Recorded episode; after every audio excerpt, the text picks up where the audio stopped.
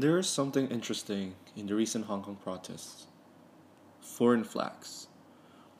Not only that we have seen the British version of the Hong Kong flag in recent protests, we have also seen the American and the British flag waved in the protest. On a side note, now that the chief executive of Hong Kong, Carrie Lam, has announced the formal withdrawal of the extradition bill, what can we expect in the near future?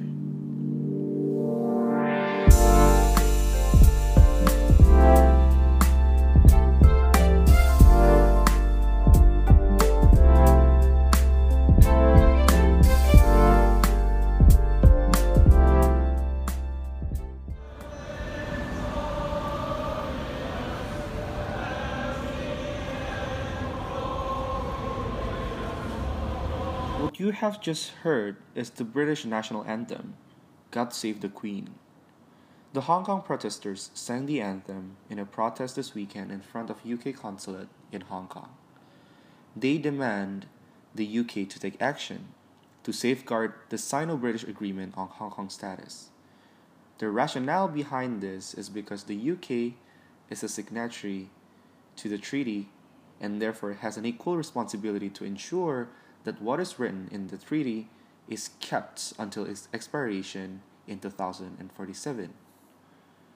The protesters demand that freedom of the press, freedom to assembly, and other freedoms are protected amidst their fear that the central government of China is strengthening their grip on Hong Kong. Not only that, last week, another group of protesters marched to the US consulate in Hong Kong, similarly bringing the US flag and singing the US anthem. The demand is rather different. As the US is not a party to the Sino British Treaty on the status of Hong Kong, the protesters demand something else. On June 2019, a bipartisan bill was introduced both to the House and to the Senate in the United States. The bill intends to review U.S. special treatment to Hong Kong. As a background, all this time, because Hong Kong is considered to be a democratic entity, Hong Kong can negotiate a trade deal with the US independent from China. Also, Hong Kong people can circumvent the regulation that requires Chinese citizens to obtain visa when visiting the US, meaning that Hong Kong people can go to the US without a visa. The bill wants to review the status of Hong Kong, meaning that if the bill is passed, then the US government will review whether Hong Kong is actually a democracy, whether the freedom is actually ensured in Hong Kong, and other related stuffs regarding human rights protection.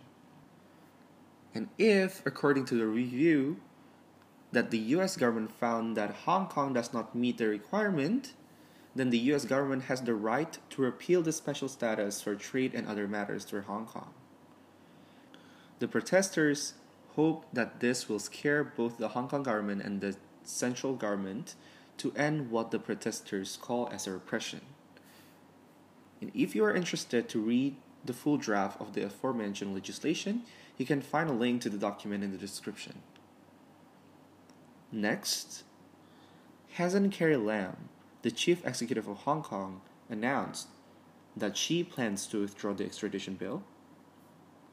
We will talk about it in the next section.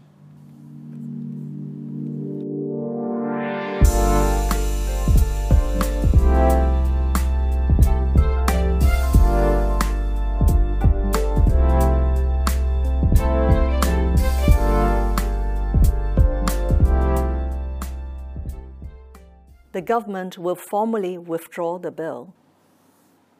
The chief executive of Hong Kong, Carrie Lam, has announced that the Hong Kong government will formally withdraw the extradition bill.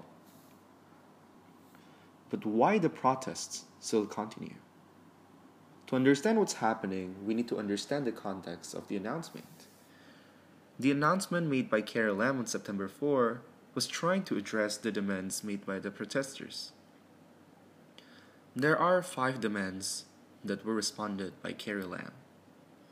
First, regarding the formal withdrawal of the bill. Second, the setup of a commission of inquiry. Third, the claim that the protests was a riot. Fourth, the drop of charges against protesters, or simply an amnesty. And fifth, the universal suffrage. Carrie Lam, representing the government, responded by giving the following five points. First, the Hong Kong government will formally withdraw the extradition bill. Second, the Hong Kong government will work closely with the IPCC or the Independent Police Complaints Council. Third, the Hong Kong government does not signal that they will revoke their claim that the protest was a riot. The argument behind it is that there is no legal effect on how the incident was described or categorized. Fifth, the Hong Kong government reiterates its belief that universal suffrage is, quote, the ultimate aim laid down in the basic law, unquote. But I think the problem here lies on the fact that protesters are not happy about the withdrawal.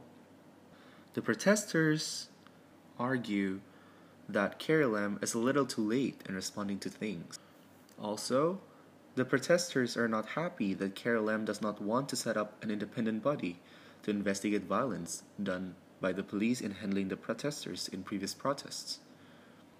Besides that, the protesters' demands to the Hong Kong government to drop the description of the protest as a riot, as well as the drop of charges against protesters arrested, are not met.